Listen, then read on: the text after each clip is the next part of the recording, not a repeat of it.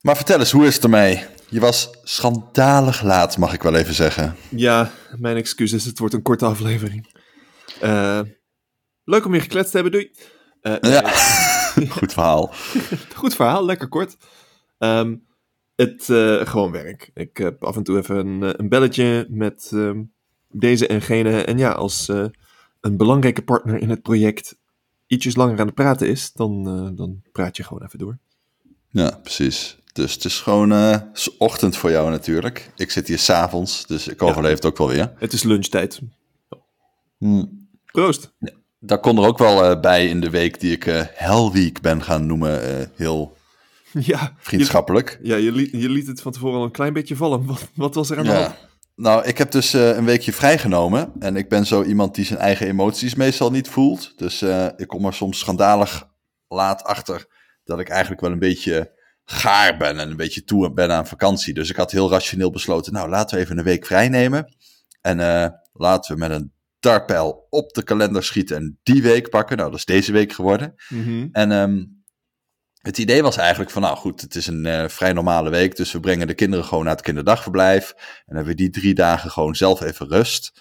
En uh, dan ga ik gewoon echt helemaal niks doen. Ook niks plannen ja, deze podcast vind ik dan leuk om te doen. Dus dat heb ik wel gepland. En uh, morgen met Nerds om tafel. Dat is allemaal prima. Mm-hmm. En dat is leuk. Maar ik, ik, ik had gewoon echt even toegeleverd naar die drie dagen. Uh, uh, um, ja, gewoon lekker op de bank hangen. En in eerste instantie was het al zo, nou, dit weekend uh, gingen we naar vrienden in Deventer. Dat is leuk, dat is wel leuk, maar het was wel zo, het is ook verplicht, weet je wel? Mm. Dus dat is dubbel. Het is wel relaxed, het is ook wel leuk, het is ook wel meegevallen, want we konden de kinderen gewoon met z'n vieren delen. Um, maar het was een moedje. Oké, prima. Moedje is voorbij. Nou, dan uh, is het uh, weekend geweest. Is het maandag. Nou, was hemelvaart. Dus dan uh, waren we ook nog even in Deventer. En dinsdag. Het was eindelijk dinsdag. Dit is de dag waarop ik de hele dag niks hoefde te doen. Althans, kinderen naar het kinderdagverblijf brengen. Dus zo gezegd, zo gedaan. Ik kom thuis. En Mieke zegt, kom, we gaan naar het strand. Ja, leuk, naar het strand. Een paar alcoholvrije... Um, wat had ik? Ik had niet Wiekse Witte een andere, maakt ook niet uit. Afligem blond. alcoholvrije afligem blond. Die is akelig goed te pruimen trouwens. Ja? En um, ik had vegetarische kroketten op een mooi bruine snee landbrood.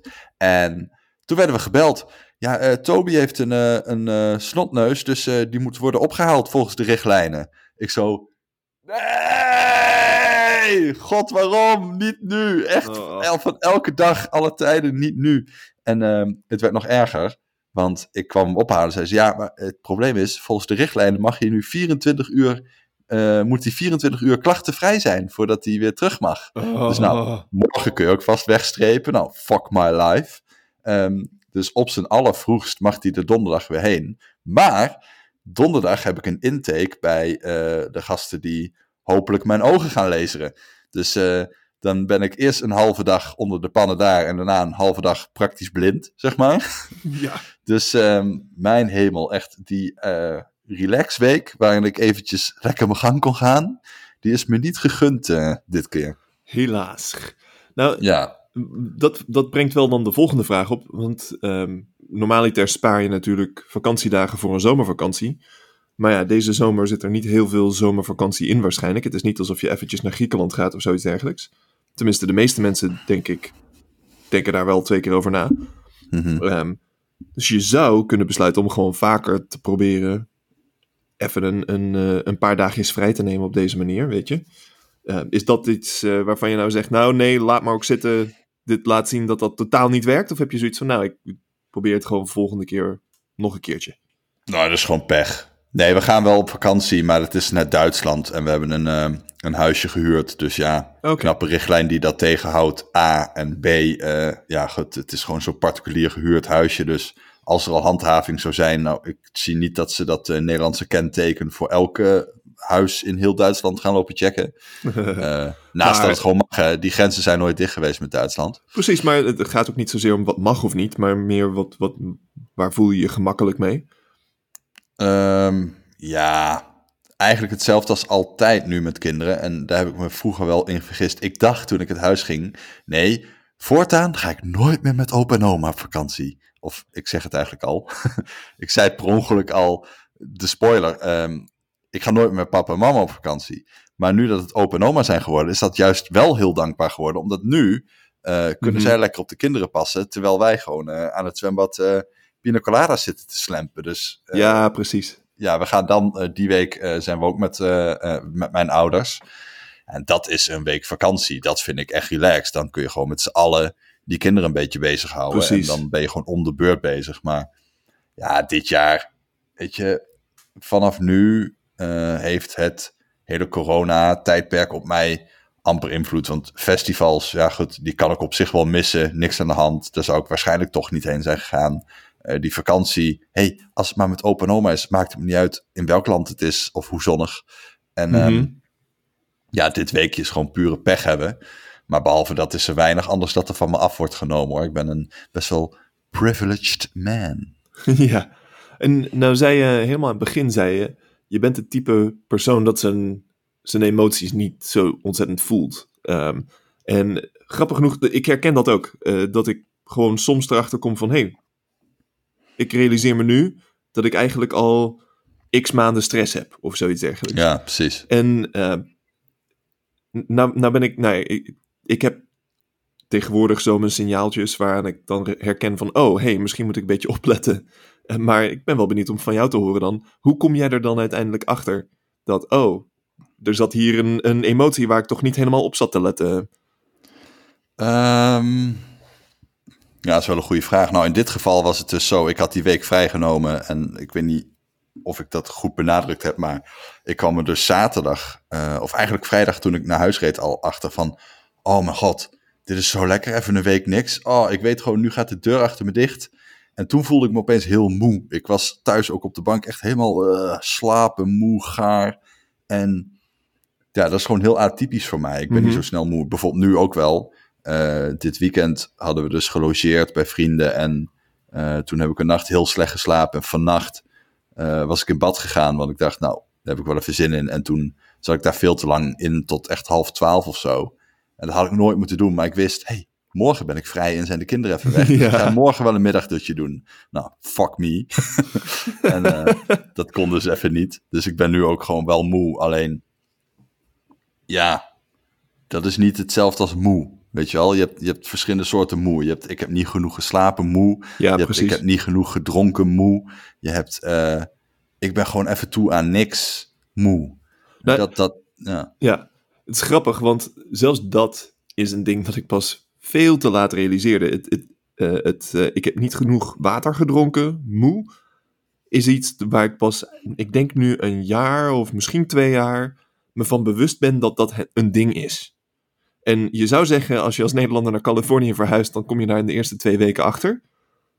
Met alle zonneschijn en alles, maar eh, nee, Niet dus. niet dus. Nee, het is echt op een bepaald moment lag ik half bewusteloos op, mijn, eh, eh, op de, de vloer van een vriend van me. Die had een. we waren met z'n tweeën waren we op stap geweest. En ik, we kwamen thuis en ik had echt zoiets van: jongen, ik ben moe. Hij had zoiets van: Robert-Jan, we hebben net de hele dag in de zon gelopen. Ik heb je, geloof ik, één flesje water zien drinken. Drink eens eventjes deze kraan leeg. Ja, hydrate. Ja, en tien minuten later voelde ik me weer helemaal super. Ja, dat is het mooie, hè? Als je dan even genoeg drinkt. Nou, ik weet het om twee dingen. Dat, eh, ik ben iemand die met zijn mond open slaapt, ondanks de beugel en ondanks dat alles kaarsrecht is nu, doe ik dat nog steeds. En ehm, ik heb dus twee keer per nacht zo'n moment dat ik even wakker word en gewoon een halve, ja, zo- zo'n bidon leeg drink. Ehm, en s ochtends heb ik ook gewoon dorst. Dus het eerste wat ik doe is een halve liter wa- water naar binnen tanken. Maar ik had het van de week wel, wat jij nu zegt, dat je er later pas achter komt. eh, een soort met terugwerkende krachtrealisatie. Want ik had eh, dit weekend, zaten we in de volle zon, kinderen waren aan het spelen. En eh, de vraag kwam voorbij, wil je nu al een biertje? Ja, maar natuurlijk wil ik nu al een biertje. Het is de weekend van mijn vakantie. En Mhm. toen dronk ik dat. En dat, vind- dat vind ik echt een, zo'n beetje het lekkerste gevoel dat er is. Hè? Dat het gewoon een, een chill moment is. Lekker warm in de zon. En dan dat die eerste slok alcohol net in je hoofd aankomt. Nou, dat, dat, eh, oh, het. Dat is mijn leven. Dat is echt, dat, dat vind ik perfect gevoel. Alleen, ehm, een kwartier later, toen, of weet ik veel hoe lang later, toen, toen ik een bier op. En toen werd ik echt super duf. En ik dacht, dit is niet logisch. Ik moet nu niet duf zijn. Ik, oh, wacht even. Dit is exact het gevoel dat ik herken van festivals van vroeger. En dan kwam Oh. 's ochtends uit die tent, kla- eh, uit die tent En dan eh frat je zo'n eh, hamburger van een wegwerp barbecue. En eigenlijk eh, was je de rest van de dag alleen maar aan het junkfood eten en bier aan het drinken. En eigenlijk alleen maar bier, ondanks dat het gewoon boven de 20, Mhm. onder de 30 graden meestal is. Ehm, exact diezelfde moeheid. eh, een soort, ja, ik weet niet. Een soort min of meer random moment dat ik, eh, dat ik bij mezelf ontdekte. Ja, dit is wat ik al die jaren op festivals heb gehad. Dan om, om, om 1, 2, 3 uur 's middags ben je gewoon gaar. En dan wil je eigenlijk even slapen in het gras. Ja. Prima, niks mis mee. Is de festival voor. Maar dat was dus die uitdroging. Ja, precies. Nou, dat is dus. Het, ja, ik voel me echt heel dom dat, ik, dat me dat 30 jaar gekost heeft om daarachter te komen. Maar eh, goed, better late than never. Het, Dat eh, zeker. ik had het ook met. eh, maar ik heb het probleem nog steeds met eh, bepaalde andere zaken. Nou, vooral stress, denk ik.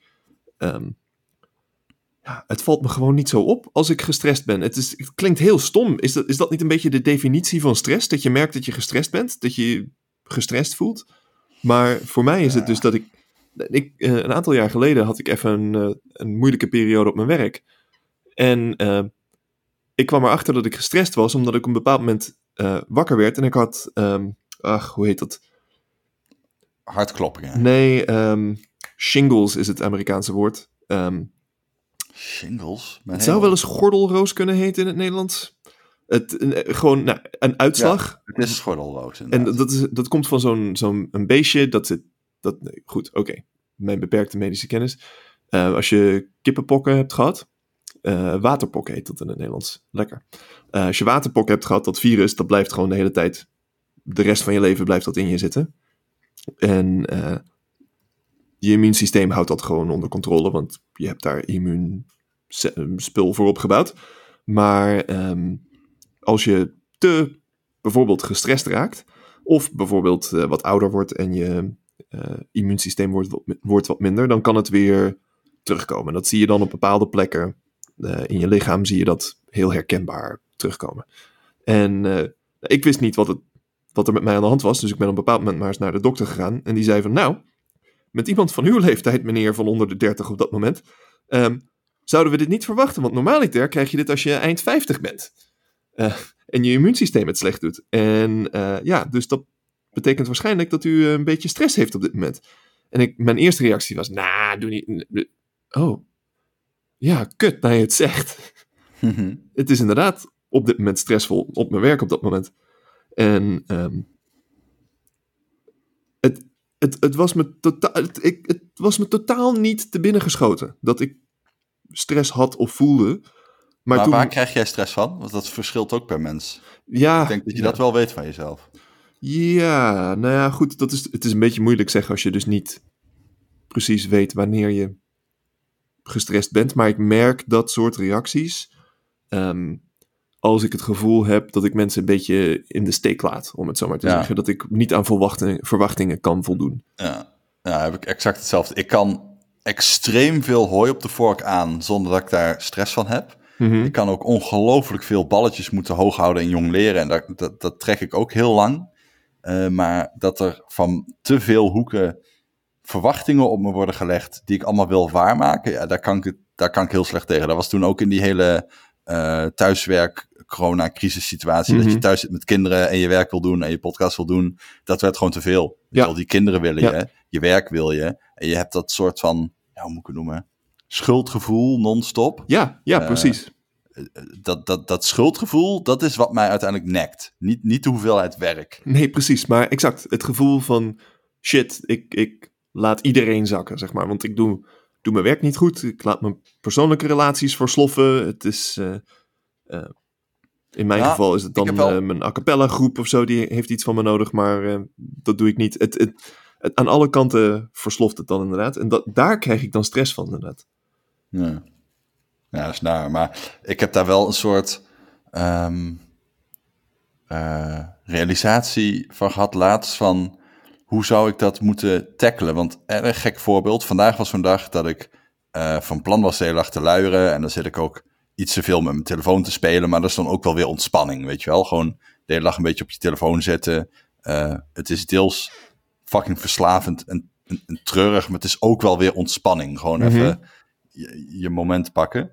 Ehm, Maar gek genoeg, toen we de boodschap kregen dat Toby moest worden opgehaald en dat ik dus de rest van de dag eh, samen met Mieke dan maar met een kind opgeschreven zat, toen heb ik die telefoon juist heel bewust weggelegd. Zo van, en toen merkte ik aan mezelf dat eh, ik wist het wel, maar ik had toch weer even die wake-up call.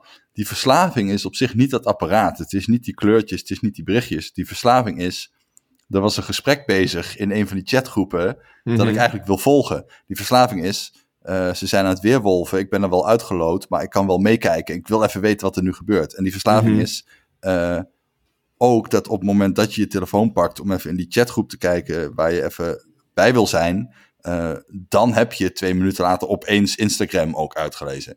Nou, ja. Misschien meer minuten later, maar snap je wat ik bedoel? Dus als ik dat ding één keer open heb, dan, dan, dan zuigt je tijd erin. Ehm, maar ja, ik heb wel echt van die momenten dat ik dan, eh, eh, weet ik veel, je je moet boven even iets pakken. En boven aangekomen pak je je telefoon. En op een gegeven moment sta je vijf minuten te lang boven voor iets dat, dat 30 seconden moet duren. Mhm. Eh, die, die verslaving. En ik had vandaag dus echt zo'n moment van eh, beslissing. Ik ga die telefoon even wegleggen. En ik ga er helemaal niet op kijken.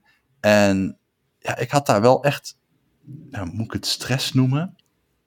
Ik was daardoor wel meer in het moment of zo. Ik hoor het mezelf zeggen en ik denk, gast, eh, je, je trapt open deur na open deur in. En, je- en iedereen die nu meeluistert, die denkt, ja, deur Randal. ja, maar dat En is toch was het een nou soort kleine eye-opener voor mij. Ja, en dat, dat zijn eigenlijk juist de interessantste eye-openers. Spul, spul als je moet genoeg drinken, anders voel je je moe. Is ook Ja. een stomme open deur. En toch heeft Ja. het me 30 fucking jaar gekost om erachter te komen. Ja, en nu, hey, je bent niet verslaafd aan de telefoon, je bent verslaafd aan dat gesprek dat je wil volgen. En op het moment dat je beslist, ik ga dit gesprek helemaal niet volgen, fuck dat gesprek en ik zie wel of ik het ooit nog lees, dat geeft een soort rust. En het andere, oh ja, nu schiet het me weer te binnen, wat ik ook wil zeggen. Ik heb ehm, een gekke bewondering, maar ook wel frustratie bij sommige mensen die heel erg goed zijn om hun tijd in te delen. Mhm. Ik zal geen namen noemen, maar ik ken wat vrienden die zijn zo goed in tijd indelen dat ik ze ook een beetje te rigide vind. En soms bijna op het autistische af. En dat ik echt denk van ja, gast, eh, kan ook wel iets flexibeler. En wat wil je nou echt? Maar als je echt je tijd indeelt in blokken en besluit van nou, nu ben ik aan het werk, nu ben ik dit aan het doen, en nu ben ik met mijn kind en nu ben ik aan het podcasten, nu ben ik... Ik bedacht mezelf dat dat misschien ook wel een goed medicijn is voor de manier waarop ik stress ervaar.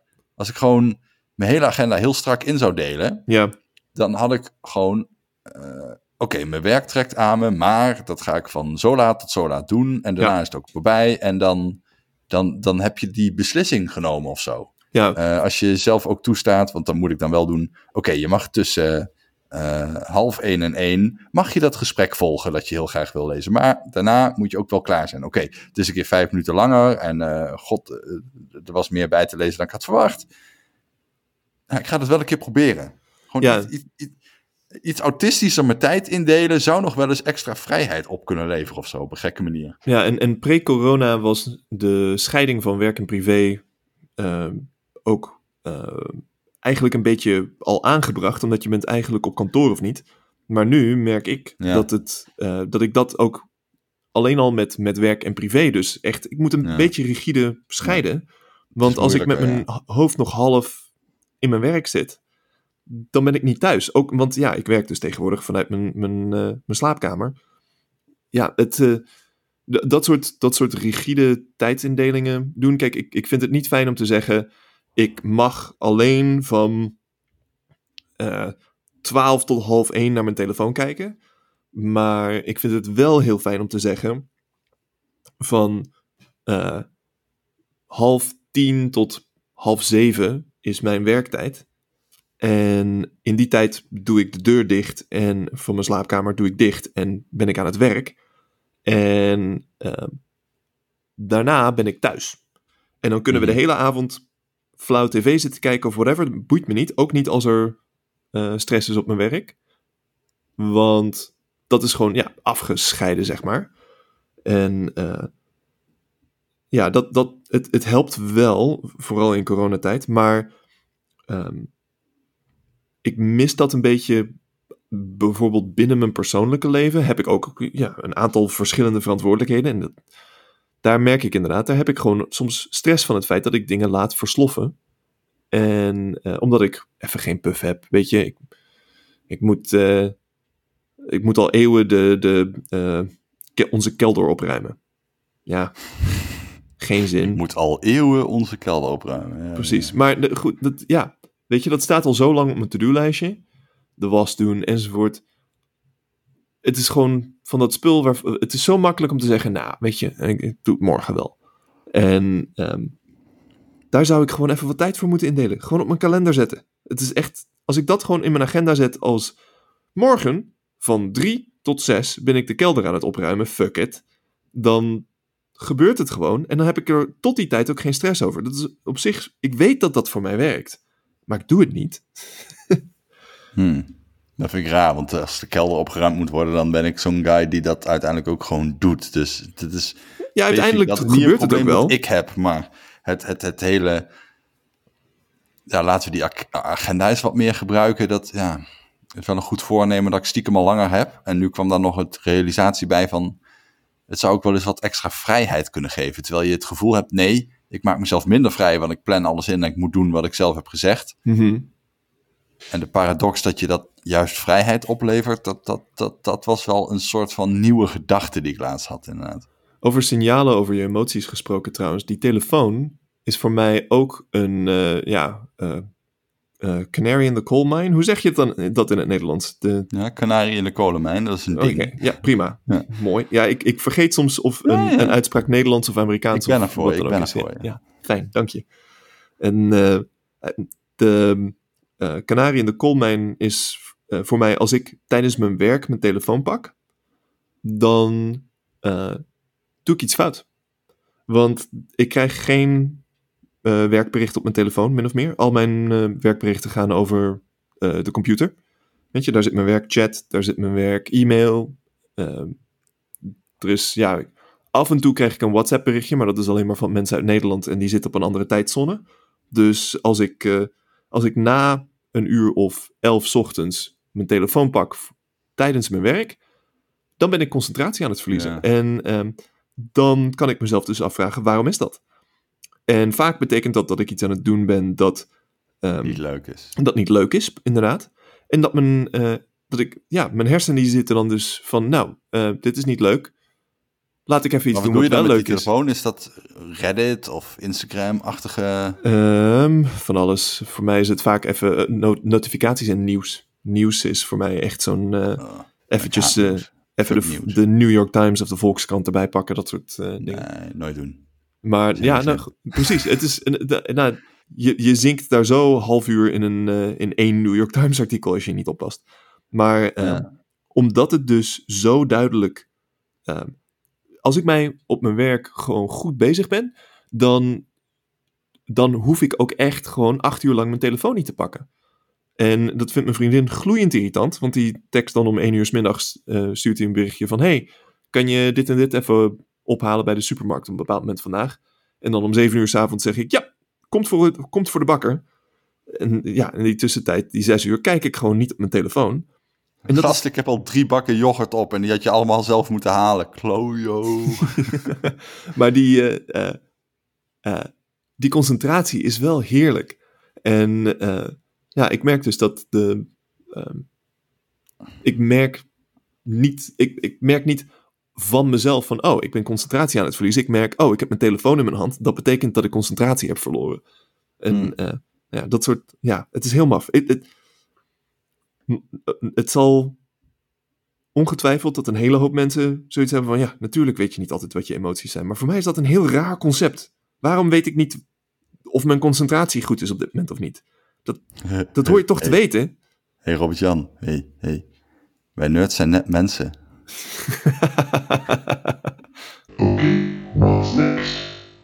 Jij eh, liet net al even vallen dat je je ogen gaat lezen. Dat is, Ja. eh, dat is nieuws voor mij. Wat, eh, waarom? Ehm ijdelheid. Ja, ik vind je wel... Je bril vind ik wel leuk. Hoort er een beetje bij je gezicht ook zo langzamerhand na al die jaren. Ah, dat is dus de spijker op zijn kop. Ik vind dat niet. Ik heb, ehm, ik heb twee fases gehad. Nee, drie fases. Eerst wist ik niet dat er iets met mijn ogen was. Ik kan me nog herinneren wanneer ik daarachter ben gekomen. Dat was op een vakantie met eh, mijn oom Edmar. Daar hebben wij trouwens nog een keer die case mod van gedaan. Ja, en, precies. eh, of gezien en eh, die ken je wel. En ehm, hij had zo'n hele hippe, dure verrekijker. En we stonden op een berg in, denk dat Italië zal zijn geweest, maakt voor het verhaal niet uit. En we stonden naar zo'n kasteel te kijken en hij geeft die, die verrekijker aan mij. En ik zo, nou, even scherp stellen. En ehm, nou, ik geef hem terug en hij zo, oh, nee, kijk daar eens. Dus geeft dat ding terug. Ik zeg, ach, weer even scherp. Waarom zet je hem steeds vaag? En hij zegt tegen mij, gast, ik heb een bril op, dus mijn sterkte klopt. Dus als jij hem steeds vaag vindt, dan ligt dat waarschijnlijk aan jouw ogen. en ik zo, nigga what? en dat was wel echt even een, eh, een eye-opener. Ja, precies. dus uh, nou, toen uh, heb ik mezelf maar eens een bril aan laten meten. En ik had niet zo'n hoge sterkte. Ik had echt min een kwart of min een half of zo. Oh, dat valt best mee, ja. en, en, een kleine cilinder. Ik heb nu nog steeds niet veel. Hè. Ik kan zonder bril auto rijden. Dat kan. Dat oh, wow. is gewoon okay. legaal. Ja. Dus mijn ogen zijn helemaal niet zo slecht. Um, maar op dat moment, en dat zal een jaar of 10, 12, 13, 14 geleden zijn, uh, heb ik echt heel lang uh, met een bril gelopen die ik gewoon op en afzette, op en afzette, op en afzette. Dat ding was puur, als ik langer achter de computer ging werken, dan mm -hmm. zette ik hem op. Ja. Want ik kon ook autorijden zonder, ik kon ook computeren zonder. Het werd alleen op een gegeven moment... Um, ik kreeg er wel op een gegeven moment hoofdpijn van. Als ik heel lang zonder bril ging computeren. Mm -hmm. uh, dus ik had die bril wel prima. Ik zet hem af en toe op. En uh, zodra ik bij de computer wegloop, zet ik hem af. En er was een moment dat ik echt de beslissing nam van... oké, okay, ik ga niet meer van die hele goedkope wegwerp Hans Anders uh, brillen kopen... maar gewoon echt een keer een toffe, leuke bril. en die ga ik gewoon dagelijks opdoen. Mm -hmm. um, nou, in die fase zit ik nog steeds. Maar, en dat klinkt misschien heel gek om te zeggen... en dat snap ik zelf als enige, maar ik voel mezelf nog steeds iemand die geen bril heeft, maar hem op moet zetten om goed te zien. Zeg maar, dat ding Mhm. hoort niet bij mij. Ja. Ik, ik, heb- dus, dus wat, wat mensen ook wel eens zeggen van, eh, ik heb zo'n fantoom eh, eh, arm of weet ik veel, van het gevoel dat het niet bij je hoort. Nou Ja. wil ik het niet vergelijken met zo'n zo'n aandoening, maar het schiet me te binnen. Ik, ik heb niet het gevoel dat die bril bij mij hoort. En iedereen om me heen heeft het gevoel van wel. Iedereen Ja, zegt nee, ja, maar nou, ik nou ken je al zo lang met bril en het, het staat je zo goed, bla bla. Het zal me wel. I don't care. Ik wil die bril niet. Ik vind, ik vind het niks. Ik wil het, ik, het hoort niet bij mij. Ehm, en ik ben dus op een gegeven moment op onderzoek uitgegaan van nou, wat is eh, eh, het criterium om te kunnen ooglezen? Want ik heb heel lang gedacht, als je ogen nog veranderen, dan is dat sowieso een no-go. Ik Mhm. ben daar een beetje in gaan verdiepen en ik heb nu drie jaar mijn ogen sterktes bijgehouden, elk eh, jaar laten meten. Dus ik heb nu drie eikpunten en eh, toen ik dat vertelde aan die mensen die dat ooglezeren doen, die zeiden, oh, maar dat is geen probleem. Gewoon die horen die waarden in, oh, als dat het is, kleinigheidje. Dus Ja. ik, ik heb die intake donderdag pas, hè, dus ik heb er nog niet zoveel verstand van als ik waarschijnlijk vrijdag heb. Ehm, en ik heb ook, dat is wel grappig, dit jaar echt besloten van ik ga nu mijn eh, zorgverzekering tot op de achter de komma uitzoeken van ik wil eh, dit jaar zeker een aantal dingen laten doen. Ik wil eh, nieuwe steunzolen, want daar ben ik weer eens aan toe. En ik heb platvoeten, dus die heb ik nodig. Ehm, Mhm. ik wil mijn ogen laten lezen en ik wil me laten steriliseren. En als je die drie dingen wil gaan doen en je neemt de maximum dekking bij Zilveren Kruis, dan scheelt je dat eh, ongeveer 700 euro in dat jaar Oké. kwam ik achter. Dus ik dacht, nou oké, is 700 de euro vind ik de moeite waard. Ja. Ehm, dus ik ga straks voor dat laseren eh 1700 euro betalen. Eh, het kost eigenlijk 2600. Eh, de rest wordt vergoed dus. Ik krijg niet alles vergoed, maar een deel. Het steriliseren wordt wel gratis en die steunzolen worden ook gratis. En in ruil daarvoor betaal ik iets van 40 euro per maand meer of zo. Mhm. Ik weet niet uit mijn hoofd, maar het is iets in die trant. En daardoor, omdat ik die ehm, paar honderd euro op dat eh ooglezeren bespaar en een paar honderd euro op het steriliseren en een paar honderd euro op de steunzolen, eh, Komt het uiteindelijk positief uit. komt dat heel erg goed uit, ja. Ehm, het enige nadeel is, en dat, dat is een beetje gek om te zeggen, ik heb me dus ook min of meer gecommitteerd aan al die drie die dingen. Zeg maar, als ik ze niet Ja. doe, Dan verlies je geld. ja, en dat is wel heel gek, want ik had dus dat ogenlezer en nou, dat, dat is voor mij een no-brainer. Ik, het is wel spannend. Kijk, het is niet zo van, eh, ik ga even... ehm, een gaatje bij de tandarts is denk ik minder spannend Ja, ja, ja. dan je ogen eh, laten lezen. Dus, eh, maar daar kijk ik ook wel naar uit, weet je. Ik heb er wel zin in. Ik, ik vind het ook wel tof. Ehm, En steunzolen zijn ook heel fijn, want als ik ze niet draag en ik loop een, uh, een uur rond, dan krijg ik pijn in mijn knieën. Als ik ze wel draag, dan heb ik dat niet. Dus ik wil die heel graag. Het is ook ja, precies. uitwendig, dus dat is niet eng. Maar Alleen, dat je je nu wel gecommitteerd hebt okay. aan het steriliseren, dat is natuurlijk wel ja. even, even een momentje. Nou, het grappige is, ik heb nu die afspraak dus gemaakt, dat is eind juni. En uh, als je me vraagt, wil je dat wel? Ja, ik wil dat wel. Waarom dan? Uh, ik wil niet nog meer kinderen. Oh, dus je twee kinderen zijn genoeg? Ja. Want als je een derde kind had, en dan ga ik filosoferen en denk ik, een derde kind? Nee, ik wil niet nog een kind. Ik, ik wil niet nog een kind. Alleen toen had ik die afspraak gemaakt en mm -hmm. toen stond het in de agenda en toen moest ik daarheen en dat is tien minuten tot een kwartier werk. En toen, toen dan opeens, dan staat hij in de agenda en dan zit je zo van, hmm, ja maar, hmm, en, maar, hmm, en dan ga je eens googlen hoe die operatie gaat en denk je, hmm. dan, nee. Dan, maar toen, en dit is, dit gesprek hebben jij en ik wel vaker gehad, maar voor de luisteraars, en ik ben heel erg um, slecht met een soort van mini-midlife crises, uh, omdat je een afslag neemt die nooit meer omgedaan, uh, ongedaan gemaakt kan worden. Dus een, een, langdradige manier van zeggen, bijvoorbeeld als je kinderen hebt, dan kun je nooit meer geen kinderen hebben. Ja. Uh, als je trouwt, kun je scheiden. Als je een baan neemt, kun je die baan opzeggen. Als je verhuist naar Californië, kun je terugvliegen. Mm -hmm. Maar um, kinderen krijgen is een eenrichtingsverkeersstraat, zeg maar. Daar kom je nooit meer uit. Ja. En je laten steriliseren is dat in principe ook.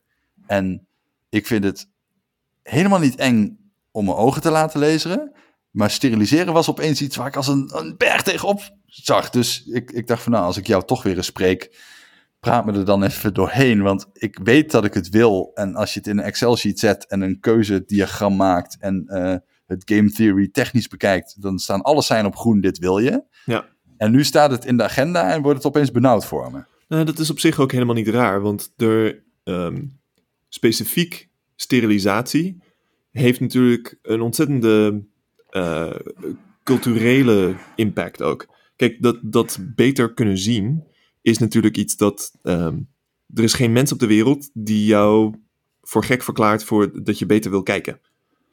En, uh, nou, hoezo? Dat kan die bril toch ook al? Ja, maar het, dat je die bril een beetje vervelend vindt, dat, dat, niemand vindt dat raar. En sterker nog, er zijn allemaal goede redenen te verzinnen waarom je het wel zou doen, het, het laseren. Het is uiteindelijk kost het je minder geld dan ieder jaar weer een bril kopen. Het is uh, beter in het geval van uh, noodgevallen. Hè, als uh, je 's ochtends wakker wordt en je huis staat in de fik, ga je dan je bril zoeken? Of, uh, ja, gestel dat je operatie lukt, dan heeft het in principe geen nadelen. Precies, exact. Dus, en, en daar komt bij dat gewoon goed kunnen zien onder alle omstandigheden, wordt gewoon universeel gezien als een positief ding door onze maatschappij. Het niet kunnen krijgen van kinderen wordt gezien als een handicap, als een, als een, een ziekte, als een, uh, een, een, een uh, ja, een, een, een, een, een, een echt, een, een, niet, niet alleen een probleem, maar iets om je, je bijna voor te schamen. Ja, maar mijn lieve, waardevolle Robert-Jan, hoe lang ken je me nou al? Hoe vaak is de mening van de buitenwereld voor mij een doorslaggevende factor geweest? Ja, dat, dat zeg je wel, maar dat, dat, het heeft voor jou natuurlijk ook een ontzettende impact. Want de, je gaat ook niet iedere dag naakt over straat, ook al loopt dat comfortabeler. Kijk, het is... Uh... Ik zou het wel durven inderdaad, maar nee, waarom zou je? Dat doe je niet, nee. Nee, precies. Het is gewoon, ja, sociale verwachtingen zijn dat je wat kleren aandoet, ook als het 28 graden is buiten. En nou, ik dus je doe je eventjes een zwembroek aan. vrij grote zekerheid zeggen, dat is het voor mij niet hoor. Ik bedoel, ik heb twee kinderen. Um, dat kan niet iedereen me nadoen. En het, het is puur het definitieve karakter ervan. En weet je waarom? Ik ben een keer getrouwd en ik ben een keer gescheiden. Mhm. Dus ik heb al fantasieën gehad van... Maar wat nou als dit niet mijn laatste relatie is? Weet je wel, wat nou als ik er nog een krijg? En dan zit je met die kinderen en dan... Sterker nog, uh, weer zo'n momentje dat je geen namen noemt. Uh, maar uh, ik heb een hele goede vriendin. Die is uh, jonger dan dat ik ben. Maar die heeft een vriend, die is tien jaar ouder dan ik. En die heeft um, al een huwelijk achter de rug. En kinderen die in de tienerleeftijd komen. Mm-hmm. en hij en zij gaan nu nog een keer een kind krijgen. Want zij is gewoon, ja, zij is er rijp voor. Mhm. Hij heeft eigenlijk zijn ding al gedaan. En alsnog krijgen ze samen een kind. Dat is een soort van ja, tweede relatie, tweede gezin dat je sticht. Ja. En ik, in eerste instantie, als je dat zo hoort en je denkt, eh, wat vind ik hiervan? Eh primaire reactie is, wat de fuck, dat doe je toch niet? Kom op. Je bent in de 40 en je gaat nog een, een baby maken. Waar, waar ben je in godsnaam mee bezig? Alleen, hoe langer je Hmm. benadenkt, denk je, ja, goed. Weet je wel, je zal iemand vinden waar je zoveel van houdt en die dat zo graag wil en de gelegenheid hebben en de mogelijkheid hebben.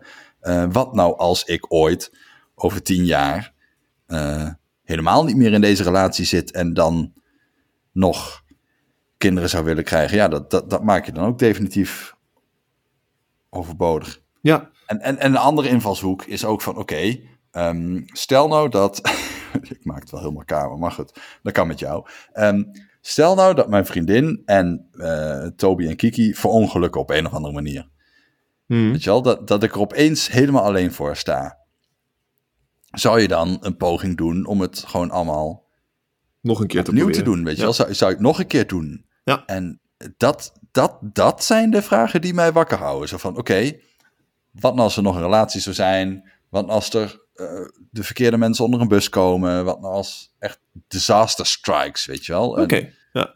En oké, nou dat is, dat is grappig, want dat zijn andere dingen die mij dan die mij bezig zouden houden in die, Trouwens, in die context. Even voor jouw beeld, en dan heb je een beetje kijkje achter de schermen. Eh, jij zegt van, er, er heerst een stigma over sterilisatie. Ja, Eh, dat is wel zo, alleen eh, ik ken een heleboel mensen die eh, het hebben laten doen of het gaan laten doen.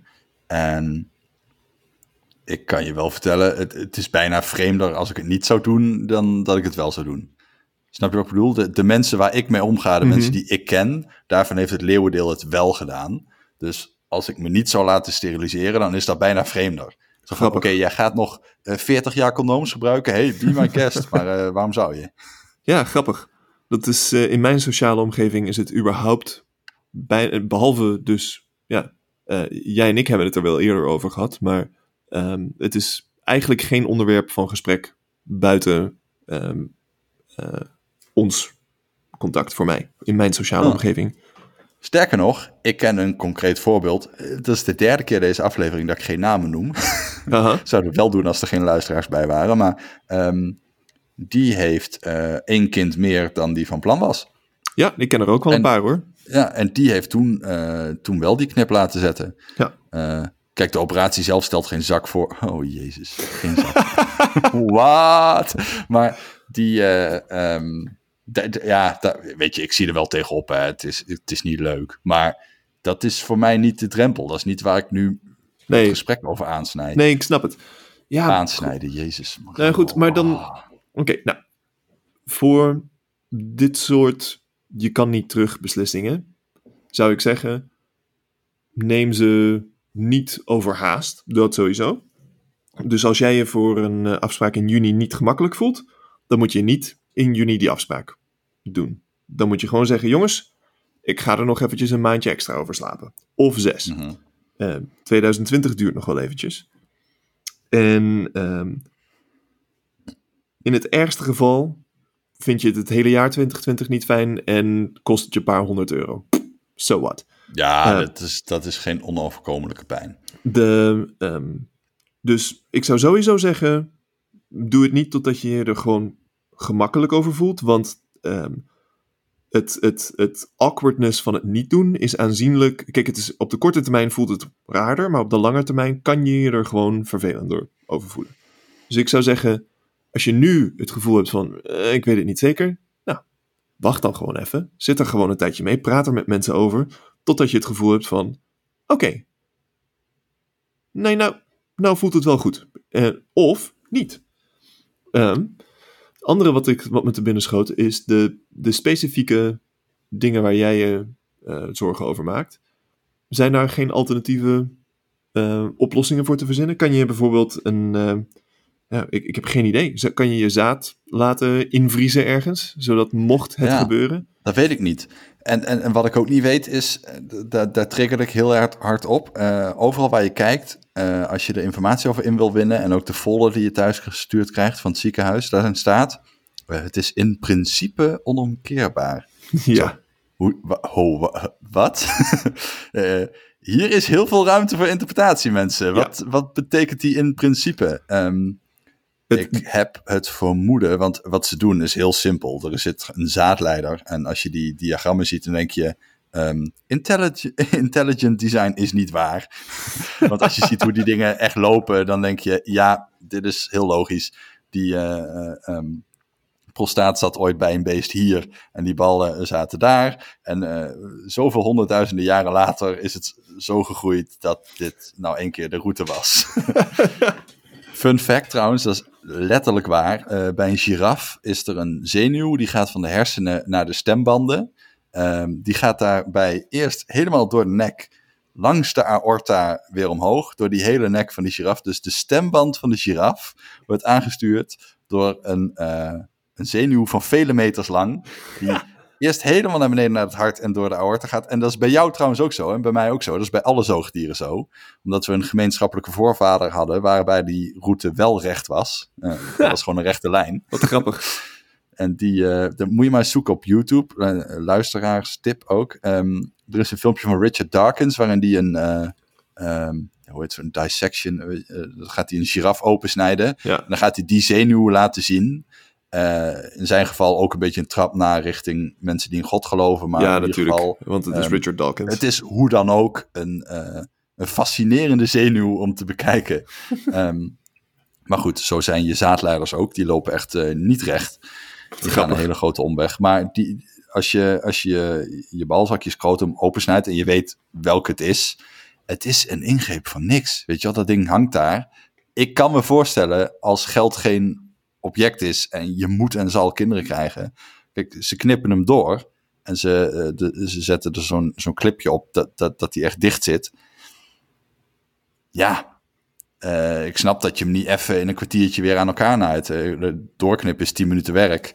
Maar dat dichtnaaien eh, zal wel langer duren. Maar waarom zou je niet op een of andere manier een of andere extractie moeten kunnen doen? Er moet toch iets onder de zon zijn. Ja, ehm, ik kan me voorstellen dat dat misschien, zeg maar, als je het een week later probeert, dat dat inderdaad waar is. Ik kan me ook voorstellen dat als je er ja.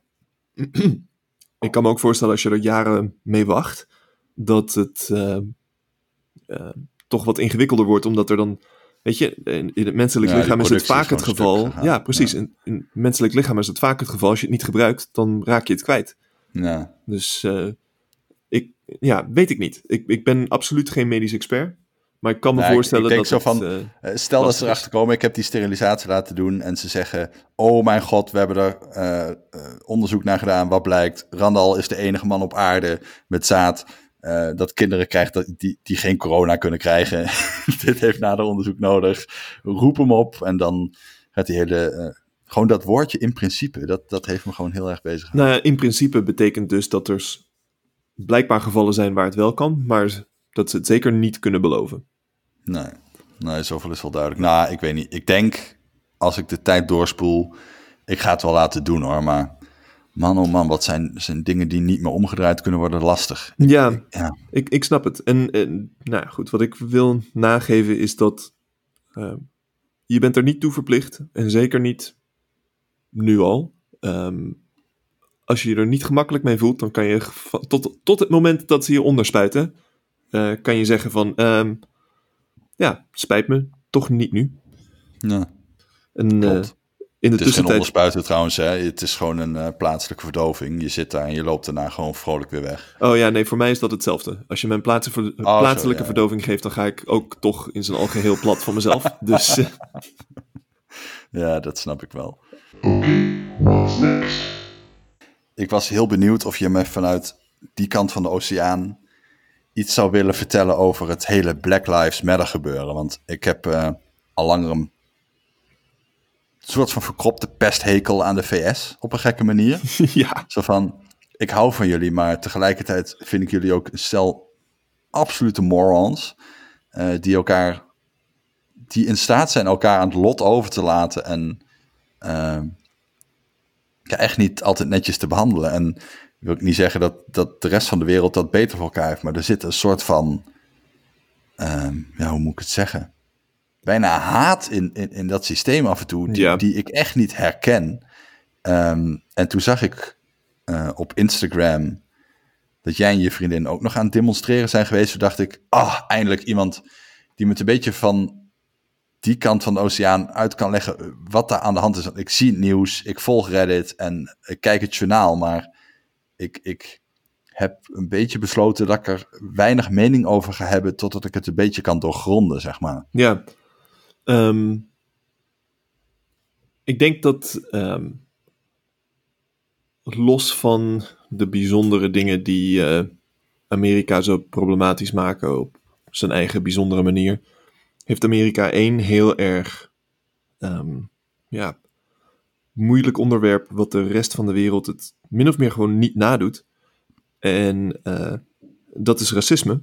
En voornamelijk dan racisme met een slavernijverleden, eh, met, met eh, mensen met een, weet je, een echt heel duidelijk andere huidskleur. Kijk, in Nederland hebben we etniciteit en is dat, weet je, eh, als je Marokkaans of Turks eruit ziet, dan word je ook anders behandeld dan als je eruit ziet als een witte Nederlander. Maar in Amerika kan je letterlijk op een kilometer afstand aan iemand zien ehm, wat hun ras is of niet. En of daar een, ehm, een problematisch, ehm, ja, racistisch verleden aan die persoon plakt, zeg maar. Ja, en dan nog, weet je, er is wel meer racisme dan dat, maar je kunt echt beter Mexicaan zijn dan eh, donker. Ja, en ehm, dat is in het bijzonder waar als je in, contact, eh, in Amerika in contact komt met de politie. En dat komt door een hele rare. Nee, niet, helemaal niet raar. Het is heel. Ja, het, is, het stomme is, het is allemaal heel begrijpelijk en tegelijkertijd ontzettend kwaadmakend. Maar ehm, als je een gemiddelde Amerikaan onder een MRI-scanner legt en ehm, gaat meten waar ze bang van zijn, dat, is, dat is, is iets dat kan je in een MRI-scanner gewoon zien. En dan laat je ze gezichten zien. Witte man, geen probleem. Witte vrouw, geen probleem. Zwarte vrouw, geen probleem. Zwarte man, angstreactie. En ehm, dat is niet alleen het... Visceral, zeg maar, vanuit je reptiele brein. Ja, ja, absoluut. Dat is gewoon vanaf, weet je, kinds af aan word je getraind, blijkbaar. Want dat is echt een onderbewuste, "Ah, hier ben ik bang voor, reactie. En ehm, die reactie gebeurt als je Amerikaan bent, eh, onafhankelijk van je eigen huidskleur. Dus als jij een zwarte man bent, ben je bang voor zwarte mannen. En ehm, dat is, eh, als jij een zwarte man bent, is dat eh, licht problematisch. Want ook al heb jij helemaal, ben jij de meest vreedzame persoon ter aarde, mensen kijken jou aan en denken dat je, bang, dat je eng bent. Die zijn bang voor je. En ehm, dat is, weet je, als, je, als dat het, het, enige, als het enige probleem was dat er af en toe een, een kind wegrent omdat ze zoiets hebben van, ah, deze persoon is eng, dan maakt dat niet zo heel veel uit. Ik bedoel, ja, goed, het is ook niet grappig, maar eh, ik ben twee meter lang, ik heb dat effect ook wel eens. Uh, maar daar houdt het niet op. Want um, als jij in Amerika um, gearresteerd wordt, dan moet de politie ervan uitgaan dat jij potentieel gevaarlijk bent. Want in Amerika kan je heel makkelijk. Second een, Amendment. Ja, inderdaad. Je kan heel makkelijk een wapen hebben. Um, en bovendien is geweldsgebruik in Amerika gewoon. Ja, het komt gewoon vaker voor dan in Nederland. En dus komt de politie redelijk makkelijk met getrokken wapen op een verdachte af. Als jij er vervolgens ook nog eens uitziet als iemand die eng is, dan heb je dus al twee problematische deze persoon is, is eng reacties in die politieagent zijn hoofd hmm. aan het lopen.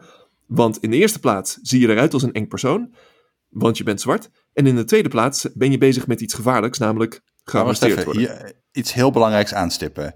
Je brengt dat teweeg als zijnde een mens, niet als zijnde politieagent. Ja, het is gewoon absoluut. iets waarmee diegene is opgegroeid, opgevoed en ja, ja. wat jij noemt on, onderbewust getraind. Ja, precies. Um, ja, en, en dat, is, dat is een heel goed punt. We, daar moeten we het namelijk even hebben over wat racisme is. En, en wat uh, het, het verschil tussen bewust racisme en onderbewust racisme. Um, je hebt in um, En, en systematisch racisme is daar ook nog weer een punt van. Dus racisme, laten we het even heel stom zeggen, is als jij anders behandeld wordt vanwege je huidskleur. Laten we het even heel simpel houden. Ehm, als jij zwart bent en je wordt anders behandeld dan iemand die pre- precies hetzelfde deed, maar een wit eh, gezicht had, dan is dat racisme. Je hebt Nou ja, dat bestaat overduidelijk. Precies, ja. Je hebt ehm, bewust racisme, waarbij mensen nadenken en denken: ja, maar die neger, die vind ik kut. Dus die ga ik kut behandelen. Dat is bewust racisme. Die En- horen hier niet. Precies, ja. En dat was, vooral vroeger, was dat gewoon acceptabel. En in bepaalde delen van de Amerikaanse maatschappij is dat nog steeds acceptabel. Stom genoeg. En- Sterker nog, dat zijn niet eens echt mensen. En dat is, Voor- ik zeg het niet vaak eh, zo gemeend, maar letterlijk Hitler, zeg maar. Ja, absoluut. Ja, ja, ja. En, en in bepaalde onderdelen van de Amerikaanse maatschappij is het nog steeds acceptabel om te zeggen iets als: ja, maar zwarte mensen, die heb ik liever niet in mijn winkel. Oké, Ja. fijn. Ehm, dus ehm, dat is bewust racisme. Ehm, Nou, niet zo van het bestaat in Nederland niet, maar je mag echt wel oppassen tegen wie je dat zegt hoor. ja, dat en vindt kijk, niet iedereen grappig. Nee, nee, maar, eh, even eh, hier kunnen we niet al te heilig spelen. Eh, ik ken in Nederland een hele hoop mensen die met heel veel liefde praten over eh, die kut Marokkanen. Ehm, Ja. Als je het feit dat kut en Marokkaan gewoon aan elkaar gelinkt is ongeveer in de Nederlandse taal, is een, gewoon een hardop racistisch, bewust racistisch Mhm. iets. Ik denk dat de meeste mensen niet eens ehm, realiseren dat het hebben over kut Marokkanen of eh, gut, mijn scooter is gestolen, het zal wel zo'n vervelende Turk zijn geweest, whatever. Ehm, dat dat gewoon knalhard racisme is.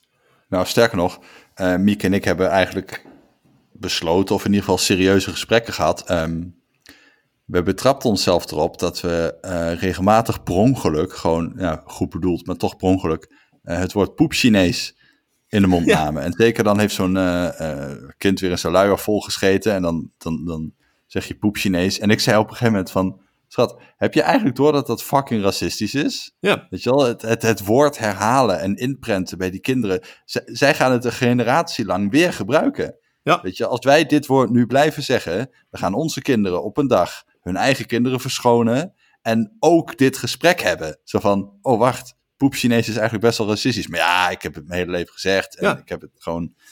en dat is een beetje, nou, ik wil, wil niet al te ver van koers raken, maar dat is hetzelfde probleem met Zwarte Piet. Zwarte Piet, nee, dat, is, dat zijn Nederlandse koningen, hè? Ja, maar nee, we bedoelen het niet racistisch. Ja. Nee, het is niet racistisch. Het is op. gewoon grappig. Is gewoon Nee, maar het is, is- oké, alles leuk en aardig. Kijk, ik snap dat niet al het racisme noodzakelijk vanuit haat komt. Ik vind Zwarte Piet ook een hartstikke leuke kerel. Ik ben er ook mee opgegroeid. Maar hij heet Zwarte Piet. Als zijn gezicht niet zwart is, dan noemen we hem anders. Dan heet hij Regenboogpiet of whatever. Dus het is heel makkelijk. We, we noemen die kerel anders als hij er anders uitziet. Dus Nou, dat niet racisme. alleen. Dat is Als gewoon... Kijk, kijk even naar Zwarte Piet als geheel en zeg mij dat het niet een karikatuur is Ja, van iets dat echt heeft bestaan. Ja. Dus goed, racisme is als je iemand anders behandelt vanwege zijn of haar huidskleur. Ehm, maar dat kan je dus- Keihard, dedicated, bewust racisme bestaat, is een probleem, maar dat is zeg maar Precies. lang niet zo groot als het ooit was. Het, het, het is in ieder geval iets wat we eh, in grote delen van de maatschappij het nu over eens zijn dat het niet acceptabel is. En, En- het is bij wet verboden. Eh, Dat scheelt precies. En in, in Amerika is het ook echt een stigma. Als jij een racist wordt genoemd, dan moet je heel hard tegen sputteren, want dat is echt de grootste belediging die je, die je kan krijgen. Eh, maar onderbewust racisme hebben we allemaal. En dat is echt niet, daar, daar hoef je je ook niet ehm, slecht over te voelen dat jij dat hebt meegekregen.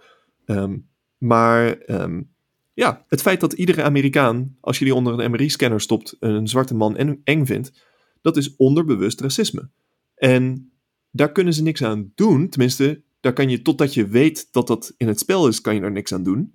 Dat heb je gewoon meegekregen. Maar zo is het wel.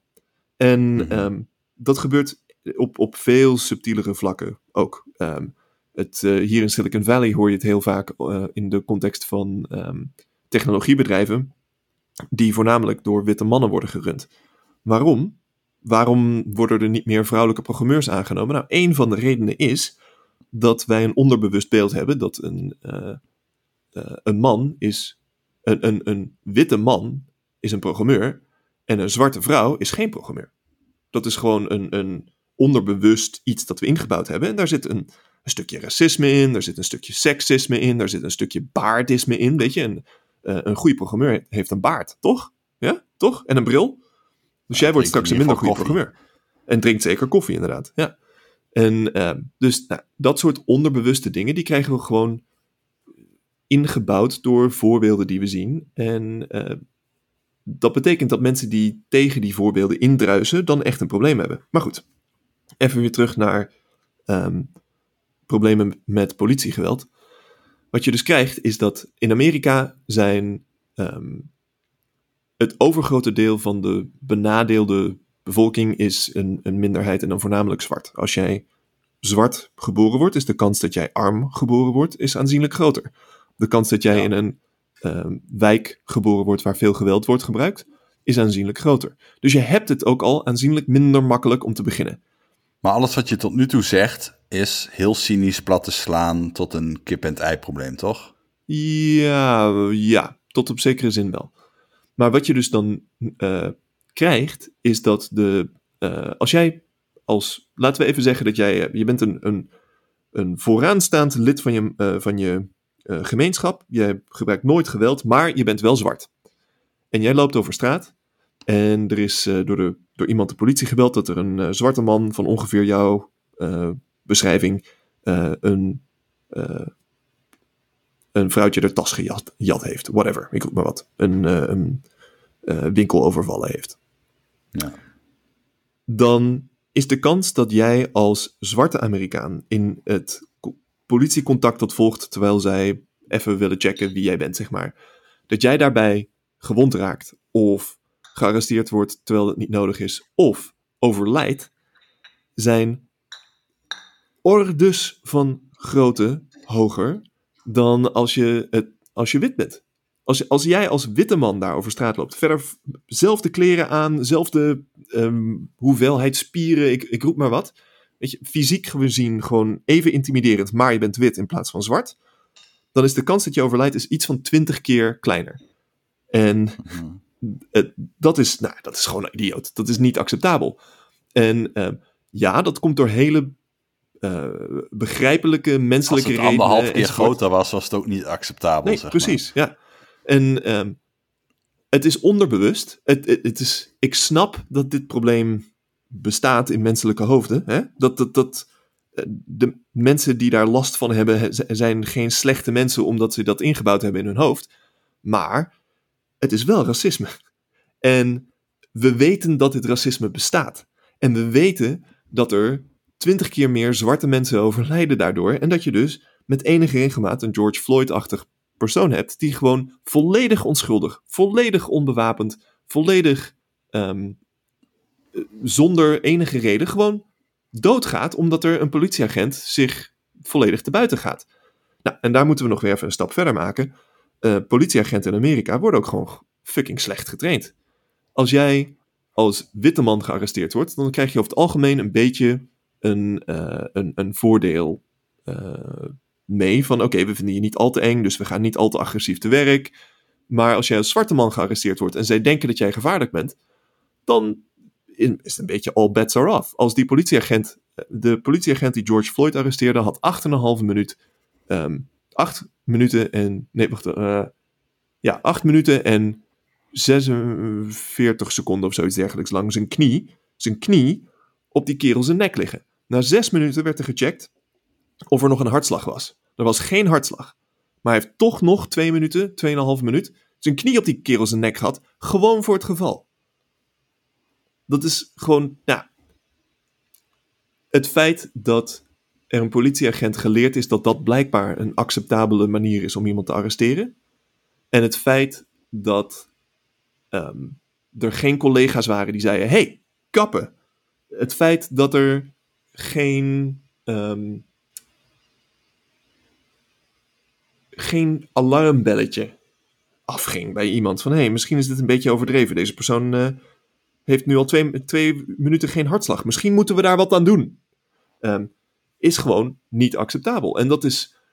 ehm, gedeeltelijk zal dat ingebouwd racisme zijn in het geval van eh, eh, deze agenten. Gedeeltelijk is dat gewoon training.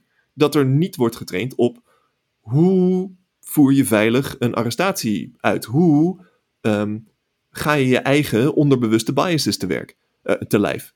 En het, ik zou me trouwens ook helemaal niet verbazen als uiteindelijk blijkt dat deze agent gewoon een bewust racist was. Dat kan ook nog heel goed, want Ja. als jij twee minuten nadat iemand geen hartslag meer heeft, nog steeds je knie op die persoon zijn nek heeft, dat gaat verder dan angst. Dat is haat op dat moment. Dat is, ik snap niet. Ik, ik, ik kan daar met mijn hoofd niet bij. Maar goed, statistisch gezien is het probleem, wil ik ervan uitgaan dat het probleem niet is dat over het algemeen de gemiddelde Amerikaan de andere Amerikaan haat. Eh, dat, ja, dat zal zeker hier en daar het geval zijn. Maar ik hoop dat in de, het grotere geval het die onderbewuste angst is die mensen tot agressie drijft. En, en dat is ook weer een, een zelfversterkende loop natuurlijk. Want als jij als zwarte man weet dat als de politie jou arresteert, eh, dat ze dan agressief gaan doen, dan ga jij agressief terugdoen om te voorkomen dat jij gearresteerd wordt. En eh, ontstaat er daadwerkelijk ook haat heen en weer.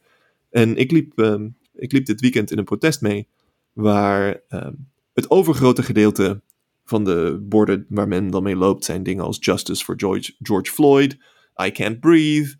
ehm, en dingen die echt heel gericht zijn op, op ja, het gedrag van de politie. Maar het, er zijn mensen die rondlopen met borden als ehm, The only good cop is a dead cop. Of Hmm. ehm, ja, die echt gewoon, eh, ja, fuck the police. Het dat soort- godvergeten bizar is ook nog dat je dat sentiment nog kan begrijpen ook. Nou ja, ja ik, ik bedoel, dit, eh, we, ik, heb, ik heb dit weekend heb ik toespraken gehoord van talloze familieleden die mensen kwijt zijn geraakt aan politiegeweld. En dan snap ik dat er, er is politiegeweld soms nodig. Dat, dat, dat snap ik.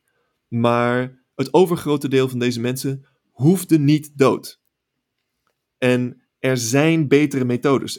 Je kan politieagenten trainen om te deescaleren. Je kan politieagenten eh, betere niet-dodelijke wapens meegeven. Je kan bepaalde situaties waarin een arrestatie überhaupt niet nodig was voorkomen. Het, er kan zoveel. Dat weten we, want witte mensen gaan gewoon twintig keer minder vaak dood als ze in contact komen met politie. En dan gaan we er even vanuit dat contact met de politie dus ehm, dat je dan ongeveer even vaak schuldig bent of gevaarlijk of whatever. En ehm, nou, dat het. Ah, goed, het. eh, natuurlijk ga je dan als, als welbespraakte nerd ga je eventjes op zoek naar wat statistieken. En eh, ga je kijken van oké, maar hè, we weten dat we er allemaal heel pist over zijn, maar wat zijn nou- daadwerkelijk de nummers? Hoe groot is dit probleem? En eh, ik roep dan nummers als 20 keer zo waarschijnlijk dat je doodgaat als je met politie in contact komt enzovoort. Ehm, dat is een, eh, een nummer dat komt, dat wordt door journalis- journalistieke groepen wordt dat dan bij elkaar gezocht. Maar weet je wat het overheidsnummer hiervoor is? Wat, Nee. Nee, weet niemand.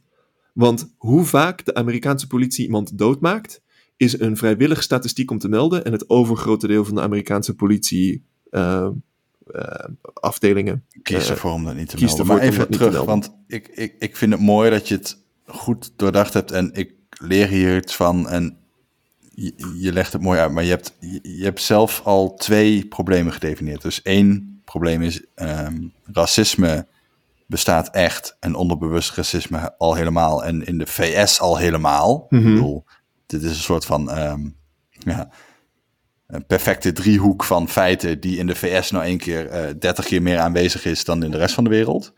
Ehm, het tweede is dus de politiekorpsen zijn niet voldoende getraind en dat niet alleen ehm, de manier waarop ze verantwoording af moeten leggen is, is, is ook stuk. Ik bedoel, dat heb je niet gezegd, maar dat is een beetje mijn conclusie Ja, ja, ja. eh, uit, uit wat ik eh, her en der oppik. Ehm, maar het derde wat daarbij komt, is ook op het moment dat de shit dan de fan raakt, zo gezegd. Ik bedoel, de agenten die. eh, shit, ik ben zijn naam kwijt. Hoe heet dat slachtoffer waar dit nu allemaal om te doen is? George Floyd. George Floyd. De agenten die hem om zeep hebben gebracht, die zijn wel degelijk nu in heel snel tempo veroordeeld. Dus dat is op Nee, zich... nee, nee, nee, nee, nee. Die, zijn, die worden voor, die, ze- die zijn eh, aangeklaagd. Oké, die zijn wel aangeklaagd. En dat is ehm, wat ik in het verleden heb gezien. eh, dat, eh, dat, dat, dat rotte systeem gaat veel verder. Die politieagenten zijn oké slecht getraind, oké racistisch, oké verklaarbaar, maar ook bijna immuun haast Ja, als het, als het gaat om, om wat ze aanrichten. Ja. En hoe vaak het wel niet voor is gekomen dat zoiets is gebeurd en dat die gasten dan gewoon vrij uitgaan. ja. En Wat ik echt bizar vind is, het komt nu toevallig te sprake, maar ik heb eh, eh, in samenwerking met Tweakers en de Nederlandse politie eh, een podcast over cybercrime gemaakt. Mhm. Eh, daar kon ik heel goed mee uit de voeten eh, vanuit het, het stuk cyberperspectief. Hè. Ik vond het heel leuk om te behandelen. Maar ik heb daar geleerd dat in Nederland ehm, de politie eigenlijk al op zijn hoede moet zijn op het moment dat ze een inval doen bij iemand waarvan ze nou, zeg even tussen jou en mij, dat zullen zij nooit zeggen. Ze hebben het altijd over een verdachte en dat is terecht. Maar tussen jou en mij, je doet die inval dikke 90% dat deze guy het is. Hè? Ja. En we doen die inval. eh, ja, we weten eigenlijk genoeg. Weet je, je moet het goed doen. Ze blijven over verdachten praten. En Ja. ze zijn als de dood dat ze iets buiten gaan maken. eh, wat door een officier van justitie eh, geen toestemming voor is gegeven. Zij, voor hen is een slechte dag dat ze de fuck-up maken. Dat ze een mobiele telefoon ontgrendeld krijgen. eh, daar alle bewijsmateriaal uithalen. En dat vervolgens blijkt dat de, eh, ehm, eh, de toestemming om dat te doen niet voldoende verkregen was. Ja. Kijk, in de VS heb je die chain of custody. Als het niet correct buitengemaakt bewijsmateriaal is, kun je het niet gebruiken, is het in het inadmissible. Eh dat heb je in Nederland niet. Als er bewijsmateriaal er is, is het er. En dan kun je het ook gebruiken. Alleen, je kunt serieus in de shit komen op het moment dat je dat niet correct gedaan hebt. Ja. En nog tien keer serieuzer in de shit komen op het moment dat je dat niet netjes gemeld hebt. In die Ja. podcast die ik heb gemaakt komt ook eh, het maken van een fuck-up ter sprake. En ook, oké, ik heb per ongeluk eh, iets gezien of buitengemaakt wat ik niet had moeten doen. Ik ga hier drie kantjes procesverbaal maken over hoe ik die Ja. vergissing heb gemaakt. En die doortastendheid, die angst, die ehm, checks en balances, laat ik het maar even noemen, die hoor ik gewoon niet. Want Reddit staat Klopt. elke keer in de fik en Reddit is mijn primaire bron voor Amerika-nieuws. En elke keer dat er in de VS een agent over de scheef gaat, is ongeveer eh, gesprek van de dag nummer één. Hoezeer die agent eigenlijk nog misschien door de public, public out- outcry, eh, eh, door publieke verontwaardiging, dat hij uiteindelijk op het strafbankje mag verschijnen.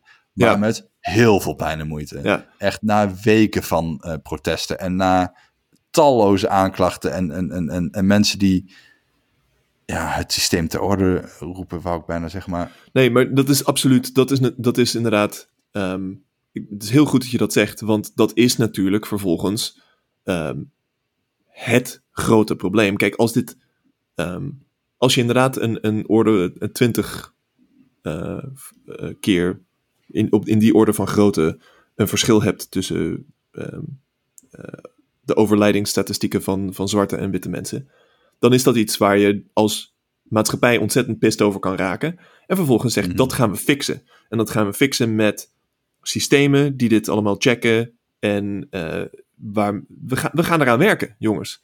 En als dat het geval was, dan had je nu niet letterlijk eh, rellen op straat. Want dan had iedereen het gevoel van, oké, dit is heel kut, maar we zijn ervoor aan het werken. Aan, eh, en, en we gaan dit fixen. Maar dat, het is nu al, dit, is, dit probleem is al 50 jaar bekend. En het is niet dat, ehm, de reden dat we het nu vaker horen is dat het vaker wordt gefilmd. Omdat we tegenwoordig met telefoons rondlopen. Het, het verandert gewoon niet, het verbetert niet. En dat komt doordat de, de mensen die het moeten fixen, de, de mensen, de, de politici, maar vooral ook de eh, professionele eh, politieagenten en, en vooral dan de korpschefs en, en dergelijke.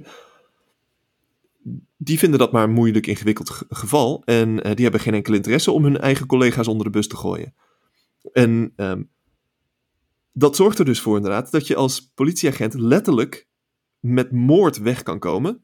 Tenzij er toevallig in jouw geval een enorme public outcry is, waardoor er uiteindelijk een, een eh, aanklager is die zegt: Ja, sorry jongens, we moeten wel. Ik, Ja, maar dat is het probleem. Hè? Het is ook hun eigen belang. Ja, Hè? ja. Ehm, eigenlijk heb je nu te maken met demonstraties waarbij het niet zozeer is eh, de ene groep demonstreert en de andere groep handhaaft. Nee, het is eigenlijk een soort counterprotest, zeg maar. Het is, Ja. het is hard tegen hard. Het is de ene groep waar het om te doen is tegen de andere groep. Ja. Alleen de ene heeft eh, legaal wapens en kan zo ver gaan als ze willen. Worden zelfs bijgestaan door het leger. En de andere groep, ja, weet je, ze kunnen doen wat ze willen. Eh, je kunt er iemand tussen zetten die een ruit ingooit en iemand die een winkel leegrooft. Dus ha, zie je wel. Ja. Daar was het om te doen. Precies, en dat is ontzettend ingewikkeld. En het, ehm, nog één dingetje over het eh, accountability. Eh, ik stond eh gisteren, maandag, stond ik op het, het plein in San Francisco voor het stadhuis. En ehm was een groot protest. En op een bepaald moment ehm, kwam de burgemeester naar buiten om te praten. Om een, ja, met, met de, op het podium een, een toespraak te geven aan de, de protesteerders van zo'n 3000 man of zoiets dergelijks. En eh, de burgemeester van San Francisco is een zwarte vrouw, London Breed heet ze. En eh, dus die snapt het. Die heeft eh, een aantal jaar geleden een neef is die kwijtgeraakt aan, aan politiegeweld. En Hmm. eh, dus die is net zo pist als de mensen die protesteren, maar zij is wel nu degene die verantwoordelijk is in San Francisco voor dit hele proces. En zij zei, onder andere, zei ze, ik ben heel trots om dat ik kan zeggen dat in San Francisco, als er een politieagent, eh, als er door politiegeweld iemand om het leven komt, er automatisch een onderzoek plaatsvindt. En ik moest echt mijn, mijn kaak van de grond weer oprapen, dat ik zoiets had van, wacht even, dat is iets waar we trots op mogen zijn? Ja. Er gaat iemand dood. En we zijn heel trots dat daar dan eventjes naar gekeken wordt. Flikker een eind Mhm. op. En dat Ja, is dus blijkbaar niet het geval als ik eventjes eh, oversteek naar Ja. Oakland of waar dan ook. Ik heb geen idee of Oakland dat wel of niet doet. Maar blijkbaar is dat niet de norm. Nee, je kunt echt gewoon een rolletje kauwgom jatten bij een tankstation. Of oh, sterker nog, je kunt Ja. zelfs geen misdaad hebben gepleegd. Precies. Eh, En dat met je leven bekopen. ja. En, en daar wordt vervolgens dan niet naar gefloten. Het, Ja, Nou, als agent, als, als je dit zo hoort, dan heb je als agent toch ook gewoon serieus niks te verliezen. Ja, ja, nou ja, goed, dat is het dus. Dus voor de agenten is er weinig reden om, behalve hun eigen moraliteit, om te zeggen van nou, ik ga niet schieten. Eh, bovendien voelen ze zich bedreigd, want zij zijn bang voor die mensen en je hebt wapens in, in brede omloop. Dus, eh, en, en er gaan ook ieder jaar eh, iets van 30 agenten dood in Amerika. Gewoon bij routine-arrestatie, bla bla bla, gaat het toch even mis. Iemand blijkt iemand die, Nou, Oké, iedereen mag wapens hebben, dus de agenten hebben wel meer te vrezen. Ja, Dat is absoluut. logisch. Dus ik snap dat die mensen bang zijn. mee. En Ja. er zijn geen repercussies. En ze worden getraind op maximaal geweldgebruik, min of meer. Wat denk je dat er dan gebeurt? Het hele systeem is fucked. Eh, Dus ja, Ja. het ehm, enig protest is eh, op zijn plaats. Wat was de reden dat jij zelf bent mee gaan lopen? Solidariteit. Kijk, ik heb zelf geen ehm, slechte ervaringen met de Amerikaanse politie. Ik heb zelf geen ervaringen met de Amerikaanse politie. En ehm, wat dat betreft, ik ben eh, groot voorstander van ehm, eh, een, een ordelijke samenleving waarin eh, handhaving plaatsvindt enzovoort. Maar ja, als je systeem zo stuk is en vervolgens hoor je van vrienden die, weet je, in ehm, iedere persoon die ik ken die een, eh, een kleurtje heeft, hè? wat voor kleurtje dan ook, niet alleen bruin, maar eh, wat dan ook, heeft wel een vervelende ervaring op racistisch vlak. En als ze met de politie in contact zijn geweest, over het algemeen met de politie. Ja, als je dat van voldoende mensen hoort, dan snap je dat dat gewoon, ja, dat kan niet. Het, het is, het zijn niet mijn ervaringen, het zijn de ervaringen de- waar ik van hoor, maar dat is niet. ehm, ik wil niet thuis blijven zitten terwijl dat soort shit gebeurt. En het, ik, voor mij is het letterlijk: ik stap de deur uit, ik loop drie stappen en ik ben bij een protest. Dus het is, eh, het is nog super makkelijk ook. Hm. Ja, mooi dat je dat dan op die manier kan doen. Hopen dat het nog helpt ook. Uiteindelijk, uiteindelijk, dit, ehm the arc of history bends towards justice. Maar eh, langzaam. Ja. ja, en de VS toch... Je zou zeggen dat die gasten daar het beste schoolvoorbeeld van de wereld zouden moeten zijn. Ze hebben zoveel gerechtigheid gebracht in, in, in- op grote schaal en op kleine schaal in hun eigen land. Zoveel geleerd van dat, van, van dat slavernijverleden. Het is juist daar helder op het netvlies, zou je zeggen. Ja, maar daarom juist, omdat in Amerika wordt racisme geconfronteerd. In Nederland hebben we ook een probleem met racisme, Ja, maar we ja. confronteren het niet. Dus Nou, ziet het er dan makkelijker uit.